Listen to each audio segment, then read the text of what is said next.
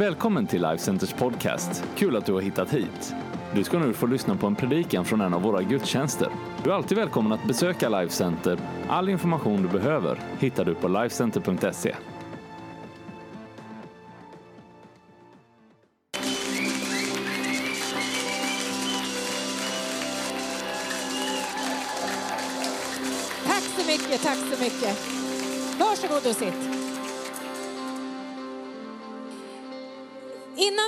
på den här scenen så är det mycket prat om så här, vilket bord vill du ha? Eh, jag kan bara ha det här bordet för det här är ju jättelågt, till och med för mig. Och det andra är jättehögt. Så man måste ha ett sånt här bord så man kan ha sina saker. Och så var det någon som sa så här, får man plats med mycket saker? Ja, alltså vill du ha en macka eller vad? Det får plats ganska mycket saker här, om man måste. Så är det. Pernilla heter jag, eh, är en av pastorerna i den här kyrkan och det är fantastiskt att få vara det. För dig som inte var här i fredags när vi hade uprising eh, så missade du en av veckans gudstjänster som var helt fantastisk. 130 ungefär ungdomar här inne. Eh, lite högre ljudvolym, lite mörkare ljus, kanske lite roligare, jag vet inte. Men, eh, och var du med och det kanske var första gången som du överhuvudtaget var i den här kyrkan och så känner du idag så här, det är inte riktigt som det var i fredags. Så stämmer det. För det är inte riktigt som det var i fredags. För idag är en annan dag och en annan slags gudstjänst. Eh, så mitt sätt att predika, det är inte riktigt som han som predikade i fredags som hade pingisbollar och vatten. Det var väldigt blött här på scenen efteråt kan jag säga. I förtvivlan så liksom försökte vi få upp vattnet härifrån. Eh, vi är ju mitt i Heart for the House-säsongen som vi kallar det. Det här stora årliga offret eller insamlingen för att använda ett alldeles vanligt ord. När vi i den här församlingen sträcker oss lite längre, när vi eh, går kanske lite mera i tro, när vi kliver lite mera ut ur vår egen bekväma lilla zon och börjar att fundera på det här med att ge. Och att insamlingen heter Heart for the House, det handlar ju om att jag får en möjlighet att värdera vad betyder Jesus för mig? Och vad betyder församlingen för mig? Vad har församlingen betytt under åren tillbaka och vad betyder det idag? Och vad kan jag se framåt när jag tittar på församlingen?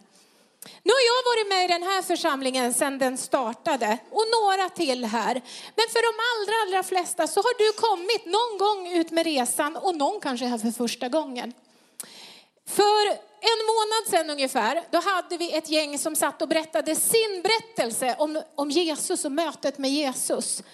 Eh, och när vi då har någon som säger så här, hade det inte varit för församlingen, för kristna, som hade liksom gått ut och berättat för mig att det finns en Jesus som kan göra allting nytt, då hade jag varit död idag. Då tänker jag så här, det är viktigt med församling. Det är viktigt att Guds folk förstår vad vi har i församlingen. Eh, Människor kallar församlingen för olika saker. Här ute på vår vägg så står det Welcome home.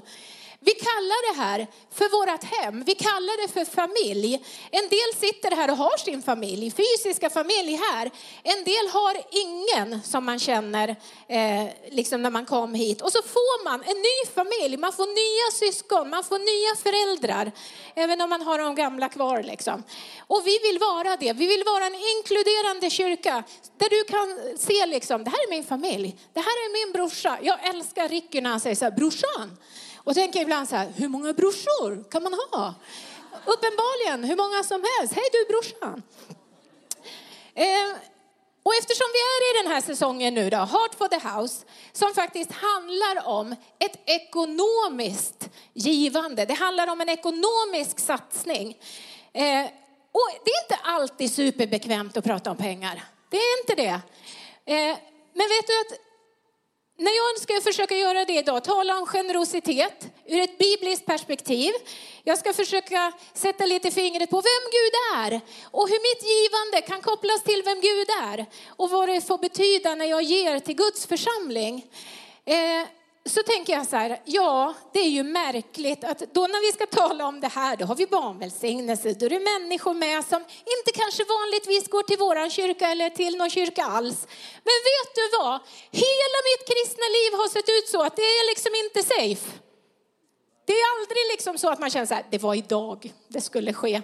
När jag skulle bli döpt i en annan kyrka, då var jag 18 år, jag fick inte döpa mig för mina föräldrar innan jag hade fyllt 18. Eh, då skulle jag bli döpt. Och för er som är uppvuxna i den här stan så vet ni att det fanns en man som kallades för luffaren. Som hade liksom en sån här pinne. Och han var en luffare, inte en tiggare, han var en luffare. Och man hade lite respekt för honom när man växte upp så här. Man liksom, när jag skulle döpas, då var han i kyrkan. En enda gång. Det var då. Och då vände han på den här luffa-grejen och så stod han liksom längst upp i kyrkan. Jag kommer så väl ihåg, jag stod i dopgraven i en annan kyrka. Mina föräldrar var där, bara det var jättestort. Jag var jättenervös. Och där stod han och vände på den här luffarpinnen och lite så här. Det känns ju också jättebra. Så, så, så safe kan det vara. Eh, men jag ska i alla fall predika om att ge. Börja med att be. Jag tackar dig Herre för att vi får samlas den här dagen i ditt hus. Jag tackar dig för att ditt ord är levande, det är verksamt, det är inte alltid superbekvämt. Men vi vet att när vi liksom fäster våra ögon på dig Jesus Kristus, när vi läser ditt ord, när vi ber helige ande led oss, så vet vi att vi får någonting ifrån dig. Vi vet att ditt ord betyder någonting på riktigt och det kan förvandla oss inifrån och ut. Och jag ber att vi ska gå härifrån idag, inte med mina mina tankar utan med dina tankar. Inte med liksom mina ord utan med ditt ord. Tackar dig för en söndag inför ditt ansikte. Amen. Bibeln talar faktiskt en hel del om pengar, talar om ekonomi, talar om förvaltarskap, talar om givande. Och det är ett viktigt ämne som kommer tillbaka med jämna mellanrum utifrån lite olika perspektiv. Och pengar är viktigt. Det håller oss vid liv. Pengar gör att vi kan ha mat på bordet, att vi kan bo, att vi kan ha kläder på kroppen. Pengar är viktigt, men pengar är inte allt. Eh, och det finns en risk med pengar. Det är att pengarna styr oss. Pengarna är så viktiga för vårt liv och vårt leverne att det kan ha en tendens att det helt plötsligt får ta över. Det är inte längre jag som styr mina pengar utan pengarna styr det liv som jag lever. Och pengar kan vara så kära för oss. Jag brukar tänka, när jag tog emot Jesus, eh, då var jag alldeles jag var så kär i Jesus, jag ville vara med på allting. Jag läste och läste och läste i en jättegammal bibel och jag försökte förstå. Men det där med att ge bort sina pengar, det var inte det enklaste och första ska jag säga. Nu var jag 14 och tjänade inte miljoner då. Men ändå liksom, pengar är oss kära. Pengar är någonting som vi håller hårt i. Pengar är viktigt. Och jag tror att det är bra för oss att förstå. Eh, och ett bibelord som vi ska läsa, det står i första Timoteusbrevet 6 och 10. Vi får upp det här. Då står det så här, kärlek till pengar är en rot till allt ont. Och jag stannar där. Och ibland så slarvläser vi det här bibelordet och så läser vi liksom eh, att eh, pengarna, vi ska passa oss för pengarna. Men det står faktiskt inte att vi ska passa oss för pengarna. Det står inte att det är pengarna som är boven. Det står inte att det är pengarna som är orsaken. Det står att det är kärleken till pengarna. Det är alltså mitt förhållningssätt till mina pengar som avgör vad det får för konsekvens. Det är inte pengarna som fenomen. Det står inte i Bibeln att det är liksom, eh, vi ska leva i total eh, Eh, som asketer eller liksom i total fattigdom. Utan här handlar det om mitt förhållningssätt till pengar. Håller jag pengarna kärt, hårt, högt, står det liksom över min egen relation med Jesus Kristus? Är det viktigare för mig? Lyser det klarare? Och det står ju till och med så här att det är en rot. Och en rot det är ju något som har grävt sig ner, som liksom har fått fastna på djupet, som brer ut sig. Eh, och som håller fast. Ni vet liksom innan en, en, eh, planta slår rot, då är det bara att rycka upp den. Men när den har slagit rot, då får man jobba lite för att få upp den. Men en rot behöver ryckas upp. Man behöver förstå att roten håller mig fast. Om vi läser vidare i samma bibelord så står det så där, fortsätter där då. I sitt begär efter pengar har vissa kommit bort från tron och vållat sig själva mycket lidande. Är det dubbeltext eller är det bara jag? Tack och lov för det. och vållat sig själva mycket lidande. Men du Guds man, Guds kvinna, håll dig borta från sånt. Sträva efter rättfärdighet, Guds fruktan, tro, kärlek, uthållighet och ödmjukhet. Jag tycker det är intressant. Det står inte att pengarna kom och hämtade dig, förde dig ut liksom på dåliga vägar, utan det står, har, eh, i sitt begär efter pengar har vissa kommit bort och vållat sig själva mycket lidande. Det finns alltså någonting som handlar om ett eget ansvar i det här. Det har, men, och så står det så här, men du gudsman, håll dig borta. Då finns det ju faktiskt en lösning. Jag kan själv välja vilket liv jag vill leva, hur jag vill ha eh, vilket förhållningssätt jag vill ha till pengar. Sträva istället efter rättfärdighet, gudsfruktan, tro, kärlek, uthållighet och ödmjukhet. Så det står alltså inte att vi ska avsäga oss allt, att vi ska leva i fattigdom, men det står att vi ska hålla oss borta efter begäret. Att det som eh, liksom tar våran uppmärksamhet bort, som kanske handlar om att jag vill bli rik, jag vill tjäna mycket pengar, som handlar om jaget och mig och mitt. Och istället så ska vi välja en Guds väg. Sträva efter rättfärdighet, gudsfruktan, tro, kärlek, uthållighet och ödmjukhet. Och vägen dit, det kan ju vara lite olika, men det kan ju till att börja med handla om att faktiskt stanna upp. Att titta över mitt eget liv, att ställa frågan till mig själv, vad betyder någonting på riktigt för mig? Eh, fundera över mina prioriteringar. Hur ser jag på min ekonomi? Hur prioriterar jag? Vad är viktigt för mig? Vad lägger jag mina pengar på? Eh, och vägen kan också vara att börja ge.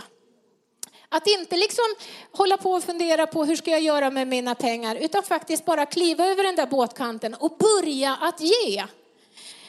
Och vet du att det här är ju inget unikt för, för liksom alla andra och inte församlingen. Det här brottas ju vi med också. Därför att vi behöver pengar. Det vore väl jättebra om vi inte behövde pengar för då kunde vi bara lägga bort det och så, behöver, så var det klart med det. Men vi alla behöver pengar och här får man liksom vaka över sig själv. Och vi ser det ibland, både i våra egna liv. Nej men jag kan inte lägga pengar på det här fast jag vet att det här skulle ge mig någonting på riktigt. Men jag kan lägga jättemycket pengar på det där. Mina pengar är alltid slut. Ja, vad går de till? Ja, man kan liksom börja fundera över sitt eget liv. Och det gäller faktiskt att vara klok, det gäller att vara vis, det gäller att använda eh, det vi har fått när vi funderar på det här med pengar och med ekonomi. Och det är inte fel att vara rik, det är viktigt att säga. Men det är fel att ha ett begär och att älska pengar. Det är inte fel att ha lite. Men att slösa bort det på, på saker som inte spelar någon roll eller som inte har någon betydelse. Om man tittar i apostlagärningarna på den första församlingen, den första kristna församlingen, så står det att de hade allt gemensamt. Ingen var rik, ingen var fattig. Man såg till att alla behov var fyllda.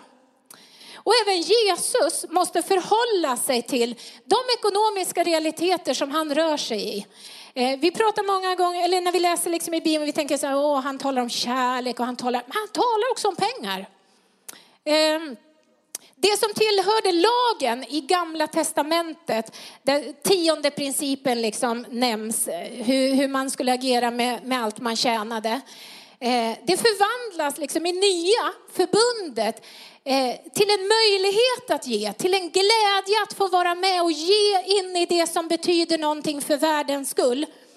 Eh, det är en bekännelse för vad Jesus betyder för mig. Det och, och en bekännelse att allt mitt är hans.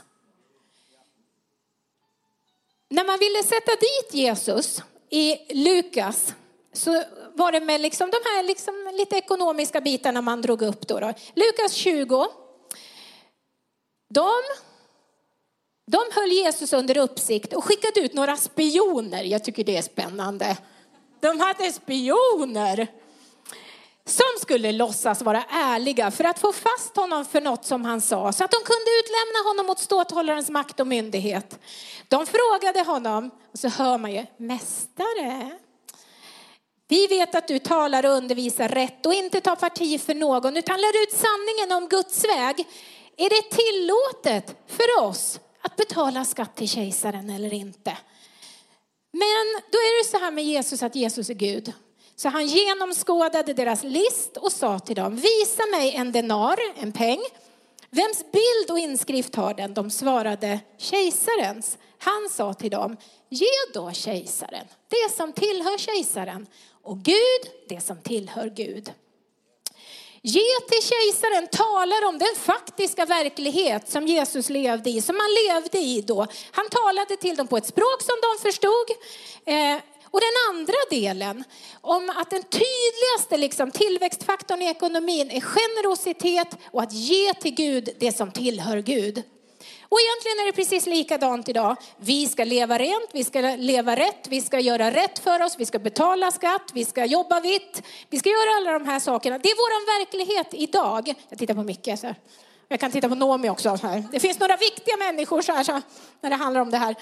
Eh, men vill vi leva ett välsignat liv, då ska vi praktisera Guds rikes principen och att ge till Gud. Och likadant med tionde. Tionde var i gamla testamentet. Jesus talar i nya testamentet om tionde som något helt naturligt. Så att det liksom följer med över. Och när jag tittar på det här med församling, vad vill vi vara för typ av församling? Nu är det så här att när vi talar om Heart for the House, då är det till församlingen vi ger. Eh, och jag kommer tillbaka till det. Vi vill vara en församling som kännetecknas av precis det här med värme, med glädje. Vi vill ha Jesus i centrum, vi vill tala möjlighet, vi vill tala framtid och vi vill ha en god atmosfär i våran församling. Det ska inte stå welcome home om det inte betyder något när man kommer in innanför dörrarna. Och två grundbultar för att få tag i det här, det är som jag har valt att kalla den här predikan. Be och ge. Två bitar. Vi läser i Matteus 7 och 7. Be och ni ska få. Sök och ni ska finna. Bulta och dörren ska öppnas för er. Det här är ett bibelord som vi läser många, många gånger. Och Jesus han säger att vi behöver aldrig tvivla på att Gud är god. Att han till sin natur är generös. Att han vill ge oss det bästa. Han står redo att ge oss vad vi behöver, men också det vi längtar efter, det vi drömmer om. Han står där liksom och bara väntar på oss. Han vet redan innan vi kommer vad som finns på våra hjärtan. Han vet vad vi ska komma med. Men Gud är Gud och Gud är större än allt. Han är stor i sin nåd, han är stor i sin kärlek och han är inte min betjänt. Han är inte mitt hembiträde, utan han säger sök mig. Och jag tror att det ligger något viktigt i den här uppmaningen att söka honom för att det visar också min vilja, det visar också vad som faktiskt är viktigt för mig. Sök mig. Han uppmanar oss att be och söka och, och knacka. Och ni vet ibland knackar vi så här och ibland bulta och att komma till honom. Och han bjuder in oss i sin närhet och det är en fantastisk förmån att ha en Gud i himlen som säger kom, kom. Jag är redo för att ge dig. Kom, jag vill höra vad du drömmer om. Kom, berätta för mig. Och om vi lever i den här relationen, om vi lever i tacksamhet och i en nära relation med Gud där vi får se hans kärlek, hans ledning, hans generositet i vardagen. Och om vi påminner oss, ibland behöver vi påminna oss eh, om det som han redan har gjort och tackar honom både för det han har gjort men det vi också tror att han ska göra. Då kommer fantastiska saker att hända med oss. Och jag bara plockade fram några sådana här grejer. Tänk att Gud gav oss det här huset. det här huset kunde vi inte på några sätt skaffa oss själva, men Gud kunde. När vi satt nere på banken, jag var inte med, men när vi satt, jag har berättat det här så många gånger för jag tycker det är så fränt. Och banken säger, varför skulle ni få köpa huset? Ni är alldeles för få, ni har för liten ekonomi. Och våran vd säger, för att Gud har sagt det. Va? Man säger till banken, för att Gud har sagt det. Gode tid. Men Gud kunde. Vi sökte efter en mattläggare, fick tag i Sigge. Sigge har lagt alla de här mattorna här. Han har lagt på förskolan, han har lagt i källaren, han har lagt i Ludvika. Och han kommer hit med jämna mellanrum och han ger sig inte innan han fått sitta ner och fika. Han ger sig inte innan han har fått prata. Han gråter när han har pratat med Per-Johan varje gång. Och jag tänker så här, det spelar roll. Tänk alla människor som vi har fått döpa. Här, i pooler, ute, i sjön, på badhuset. Tänk alla barn som har fått växa upp här och som får fortsätta att växa upp här.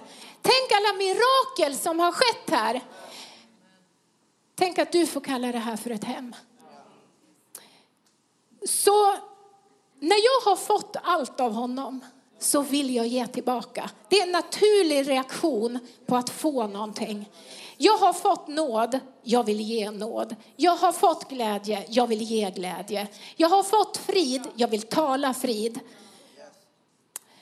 Och om vi då tittar på ett bibelord som står i Lukas 6 och 38 så hittar vi nästan ett exakt likadant bibelord. Så när som på en bokstav. Ge och ni ska få. Vi läste be och ni ska få och så kommer vi till ge och ni ska få. Ett gott mått, packat, skakat och rågat ska ni få i er famn. Med det mått som ni mäter med ska det mätas uppåt er. Här talar Jesus om generositetens hemlighet. Att det sätt som vi är på, det vi har, eh, det vi gör med det vi har, det kommer att påverka vad vi möter, hur vi blir bemötta. Jag tycker det här är fantastiskt. Be och ni ska få. Och han är generös och så får vi ge och vi ska fortfarande få. Att jag som troende ger, det är en återspegling på att Gud är generös. Och ju mer jag förstår det, ju längre jag lever mitt liv med Jesus Kristus, desto generösare törs jag bli. Och nu pratar vi pengar idag, men det kan handla om precis vad som helst. Eh, och när jag första gången kliver ut och börjar ge utav mina pengar, börjar ge utav det som jag tidigare har tänkt är mitt, det som jag har ägt, det som har suttit på mitt bankkonto och jag har gjort precis vad jag har velat med det. Första gången, det är första gången. Och det kräver både mod, det kräver tro om att det liksom ska hålla. Men för varje gång som vi gör det och för varje steg som vi tar, desto mer kommer vi att få se att ger vi utan att ha baktankar på att jag ska få tillbaka. Det här är inte en vanlig business där vi ska tjäna på det, både du och jag. Liksom. Men om jag bara ger, jag ger för att jag är glad, jag ger för att jag är tacksam, jag ger för att jag älskar. Så kommer jag att få välsignelser tillbaka. Det är ingenting som jag liksom, eh, behöver ens förvänta mig, utan det kommer. Och man ger inte bort, utan man investerar i framtida välsignelser. Så ge för Guds skull, liksom. I Predikaren 11 och 1, det här bibelordet har jag aldrig läst i hela mitt liv. Tapio, du som gillar Predikaren, och Anneli. I Predikaren 11 och 1 så står det så här, sänd ditt bröd över vattnet, för med tiden får du det tillbaka. Om man visar medkänsla eller om man är generös så kommer välsignelsens vågor tillbaka. Det går liksom inte att skicka någonting ut över havet utan att liksom det skvalpar tillbaka. Det jag ger ifrån mitt privata, och vi kan ju tänka att jag ger inte till det privata för jag ger till församlingen och församlingen är inte privat. Men det kommer tillbaka till det som är mitt privata. Och vet du att det som är så fräsigt med Gud, det är ju att när jag ger pengar, det är ingen garanti att jag får tillbaka pengar, men jag får tillbaka välsignelser. Och det är ju det som jag behöver. Eh, Gud är Gud och Gud vet vad jag behöver. För mig har det varit en otroligt mäktig välsignelse. Att jag, jag är uppvuxen i en skilsmässofamilj, jag vet vad det innebär. Eh, att jag har mina tre ungar här, att jag har eh, Tim här som är gift med min dotter, att jag har barnbarn här. Det är en otrolig välsignelse för mig. Det är inte pengar, men det är välsignelser. Så det här gäller ju naturligtvis rakt över. Att det vi ger, det kommer vi att få tillbaka. Ger vi det positiva får vi tillbaka det positiva. Ger vi ut så kommer vi att få tillbaka. Och varför ger vi just till församlingen? Jo, för församlingen är Guds egen idé. Det är Guds redskap för att vinna den här världen. Det är en stor räddningsbåt som du och jag har fått kliva på. En räddningsbåt som aldrig blir full. En räddningsbåt där det aldrig står någon och säger nej tyvärr, du får leta efter en annan. Utan där det alltid finns plats. Där Jesus är kapten och där fler ska med. Och det är också kanalen för ditt och mitt givande. Därför att Gud har inget liksom bankkonto. Vi kan inte gå till banken och hämta ut liksom alla sedlar vi kan få tag i och liksom kasta upp. Oh, så tar Gud dem. Utan Gud har sagt, det här är det verktyget som jag använder för att vinna världen. Och det är genom det som eh, vi ger våra pengar. Och Gud han, eh, han litar på, på den lokala församlingen där du och jag får vara med. Han litar på att du och jag, bräckliga människor, vi klarar av det här förvaltarskapet. Han litar på pastorer och ledare. Eh, fastän ingen liksom är, är fullfjädrad liksom sådär och kan allt. Men han litar på att de människorna som han har utsett, de klarar det här. Och tyngden för mig att vara pastor eller styrelse eller för Micke eller för Noomi eller för Tappi och vi som sitter i styrelsen. Det är i första hand inte att eh, vi har ett församlingsmöte eller att det kommer en revisor utan det är faktiskt att stå till svars för Gud. Därför att det är Gud som kommer säga, ni hade ett stort ansvar. Tog ni det på allvar? Så här i församlingen så gäller lagen, Svea rikes lag. Den gäller oss. Vi kan inte liksom krypa under radarn där. Men här gäller också Guds rikes principer. Och som ledare och pastor så måste jag alltid liksom vaka över att inte girighet, att inte begär till pengar eller något annat tar mig och fäller mig. Därför att det får konsekvenser för mig, men det får också konsekvenser för andra. Så min fråga till mig, det är liksom, vad betyder församlingen för mig? Och jag kan lista vad församlingen betyder för mig. Men jag tror att vi alla behöver, när vi går in i en vecka inför Heart for the House, verkligen ställa oss frågan, vad betyder församlingen för mig? Vad hade jag varit utan församlingen? Hur hade mitt liv sett ut utan församlingen? Nu kommer det några snabba punkter. Hur kommer det sig att, punkt, att eh, tiden går så fort? Okej, okay, vi kör på. Det första, ge av tacksamhet. Jag ger av tacksamhet till Gud. Jag ger i tacksamhet över allt som han har gjort för mig. Allt som han har för mig. Allt som han kommer att göra för mig. Jag håller inte bara fast i det som har varit utan jag sträcker mig in i en framtid. Och det blir livsfarligt om mina pengar blir något annat, att det blir ett kontrollmedel. Där jag eh, ger till församlingen för att jag gillar pastorn eller låter bli för att jag inte gillar pastorn. Eller ger för att nu är det lite si och nu gillar jag det här. Utan jag ger i tacksamhet till Gud. Och Gud, han är lika villig att ge till mig alltid. Oavsett om jag är glad, oavsett om mina känslor säger något, oavsett om jag har jättemycket jobb eller om jag har jättelite jobb. Gud är Gud. För det andra, ge i glädje. Andra Korinthierbrevet 9 så står det så här, 6 och 7. Men tänk på detta, den som sår sparsamt får skörda sparsamt och den som sår rikligt får skörda rikligt. Var och en ska ge vad han har bestämt i sitt hjärta. Inte med olust eller tvång, för Gud älskar en glad givare. Och nu så skrattar vi lite så här, haha vad vi är glada. Glad på djupet, hallå. Och vet du, om du den här veckan som ligger framför känner att det är något som skaver, när du börjar tänka på liksom nästa vecka, då kanske det är någonting som du behöver göra upp med. Det kanske är någon som behöver din förlåtelse. Det kanske är något som behöver bekännas. Det kanske är någonting som du borde göra eller sluta göra. Sök först Guds rike och hans rättfärdighet så ska ni få det andra också. Då kommer det klarna för dig. Så du ska ge i glädje. Ge med hjärtat efter din förmåga. Ibland så liksom när vi talar om det så låter det som att alla har jättemycket pengar och det är bara jag som inte har. Ge efter din förmåga. Markus 12, 41-44. Jesus satte sig mitt emot offerkistan och såg hur folket la pengar i den. Många rika gav mycket. Där kom också en fattig änka och la sina två små kopparmynt, ett par ören. Då kallade han till sig sina lärjungar och sa till dem, jag säger er sanningen. Den här fattiga änkan gav mer än alla de andra som la något i offerkistan. Alla andra gav av sitt överflöd, men hon gav i sin fattigdom allt som hon hade att leva på. Hon gav med en överlåtelse till att det här vill jag verkligen vara med och ge till. Eh, efter sin förmåga. Ge efter din förmåga med ditt hjärta. För det fjärde, ge planerat.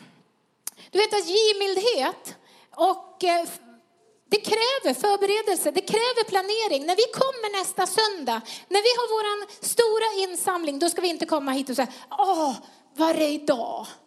Typiskt. Och jag har inte tänkt någonting.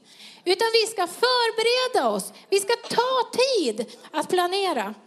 Tredje Mosebok 19, 9-10 så står det så här. När ni bärgar skörden i ett land ska du inte skörda till den yttersta kanten av åkern och inte plocka upp ströaxeln efter din skörd. Inte heller i din vingård ska du göra någon efterskörd och de druvor som har fallit av i din vingård ska du inte plocka upp. Du ska lämna kvar åt de fattiga och åt främlingen. Jag är Herren, er Gud. Och det här handlar om allting som har med givande att göra, allting som har med pengar att göra. Du kanske inte har börjat att ge ditt tionde. Du kanske behöver hjälp av någon att räkna ut hur mycket är det? Vad är det jag ska ge? Vi pratar om tionde, jag fattar inte vad det är. Ta en kontakt med Micke eller Noomi sen så lovar de att hjälpa dig med det.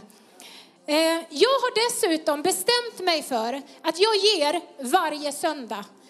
Varje söndag när det är offertal här eller kollekttal så ger jag. Inte för att jag måste, men det håller mig på banan när det gäller mina pengar. Det finns beslut som vi ska ta under den här veckan. Det finns samtal vi ska ha. Det finns böner vi ska be. Det finns saker som vi ska avsluta. Det finns saker som vi ska kliva in i. Om du är gift så ska inte du komma hit nästa söndag och bara ha höfta till med något. Du ska prata med din partner. Eh, vi ska inte sitta här nästa söndag och inte vara förberedda. Och när vi talar om tionde som biblisk princip så hjälper det mig att ha ordning på mitt givande. Tacksamheten till Gud, det följer inte känslor, det följer inte konjunkturer, utan jag vet att Gud kommer med det vi behöver. Okej, okay. då ska vi se. När vi ger ska avsluta alldeles strax, så blir vi välsignade. Och precis som jag sa, det här är ingen business. Jag ger dig pengar, jag får pengar av dig. Utan jag ger till Guds församling, till det som han har kallat mig att vara en del av. Och det som händer är att jag blir välsignad tillbaka. Eh, I fortsättningen i andra Korinthierbrevet 9 så står det, och Gud har makt att ge er all nåd i överflöd så att ni alltid och i allt har nog av allt och kan ge i överflöd till varje gott verk. Gud är generös. Gud kan ge allt, allt i överflöd. Ett bibelord till tar jag ifrån Ordspråksboken 19 och 17. Den som ömmar för den fattige lånar åt Herren och lönas av honom för det goda han har gjort. Det finns massor med bibelord som talar om att när vi ger så får vi stor välsignelse tillbaka. Så för att knyta ihop det här då. För det första, Gud längtar efter dig. Gud längtar efter att få möta dig, att få ha en relation med dig, efter att få fylla dina behov, att få tala in i din situation. Eh, att få leda dig. Han vill inget hellre. Han vill inget hellre än att höra vad som ligger på ditt hjärta. Han vill att du söker honom i smått och i stort. Han vill att du knackar. Han vill att du bultar när den säsongen är. Han är redo. Är du redo? Om du vill ha den här relationen med honom så måste du säga ja till Jesus. Och i samma stund som vi säger ja, Jesus om du är mannen som valde att lämna himlen, kliva ner på jorden, förändrade världen, valde att dö på ett kors för min skull och uppstå för att jag ska ha liv i evighet, då kommer Gud att börja fylla ditt liv med, med kärlek. Då kommer Gud att börja fylla ditt liv eh, med nya perspektiv.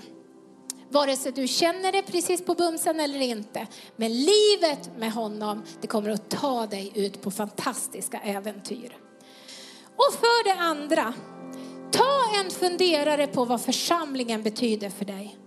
Vad betyder det att få vara en del av Guds stora räddningsplan?